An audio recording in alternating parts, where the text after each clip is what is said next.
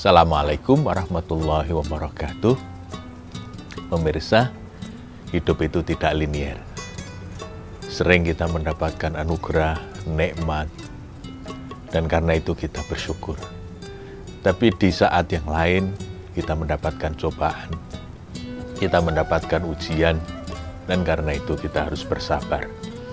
Begitulah kehidupan, watilkal ayam nutawiluha bainan nas. Firman Allah di dalam surat Ali Imran. Kita silih berganti mengalami banyak hal dalam hidup. Karena itu, di samping kemampuan bersyukur, orang hidup juga perlu berlatih untuk bisa bersabar. Dan syukur dengan sabar itu sebetulnya seperti dua sisi dari satu keping mata uang yang sama. Kalau orang sudah bisa bersyukur, insya Allah dia bisa mudah untuk bersabar. Begitu juga sebaliknya, kalau orang sudah bisa bersabar, menjadi tidak sulit bagi yang bersangkutan untuk bersyukur.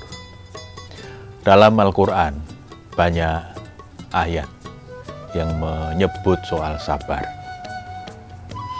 Tidak kurang dari 103 dalam berbagai bentuknya, sabar disebut di dalam Al-Quran.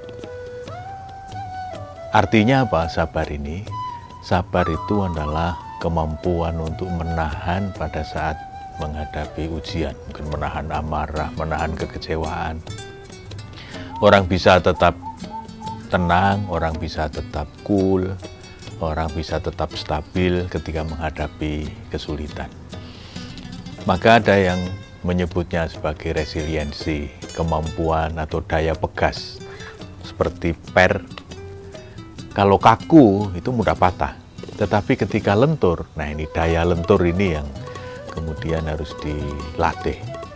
Ketika kehidupan berjalan dengan mulus, maka banyak orang bisa melewatinya dengan lancar.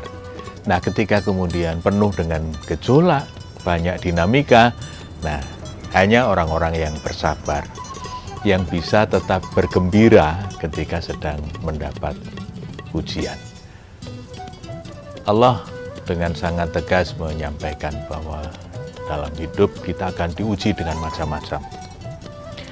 Walana nakum bisa iminal khofi wal ju wa naksi minal anwali wal amfuti wa tamarat wa.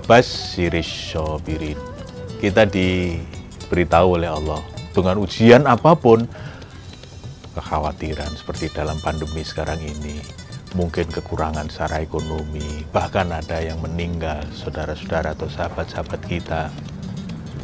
Tapi kata Allah, beri kabar gembira pada orang-orang yang sabar.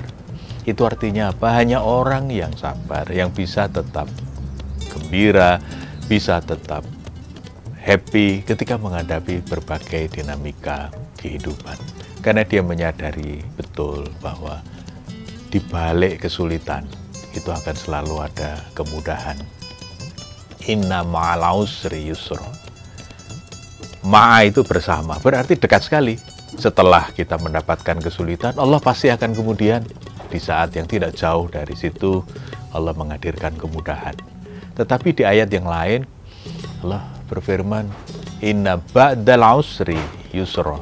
Ba'da ini menunjukkan ada jarak yang mungkin agak jauh. Karena itu bisa jadi hikmah yang kita nikmati atau kemudian kemudahan yang kita rasakan itu hadirnya agak jauh. Nah, di sini yang kadang-kadang orang menjadi tidak sabar ketika menanti datangnya kemudahan. Ya Allah, ini kesulitan kok nggak pergi-pergi.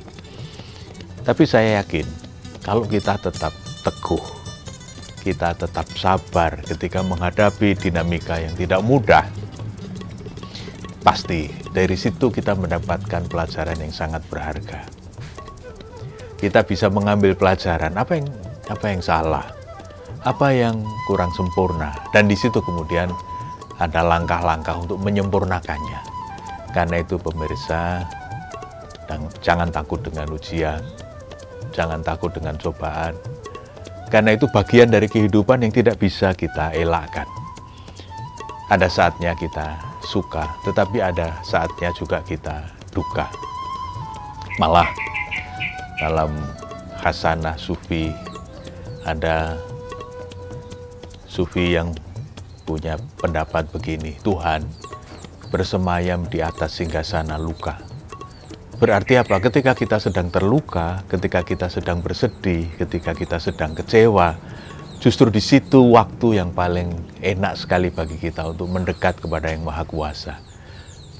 Tanpa terasa kita ditarik untuk mengingat Allah. Yang mau ingat siapa lagi kalau kita sedang menderita, kalau tidak ingat kepada Allah. Karena itu, pemirsa, kebahagiaan akan selalu hadir jika suka dan duka kita nilai sama. Sampai ketemu lagi di lain kesempatan. Assalamualaikum warahmatullahi wabarakatuh.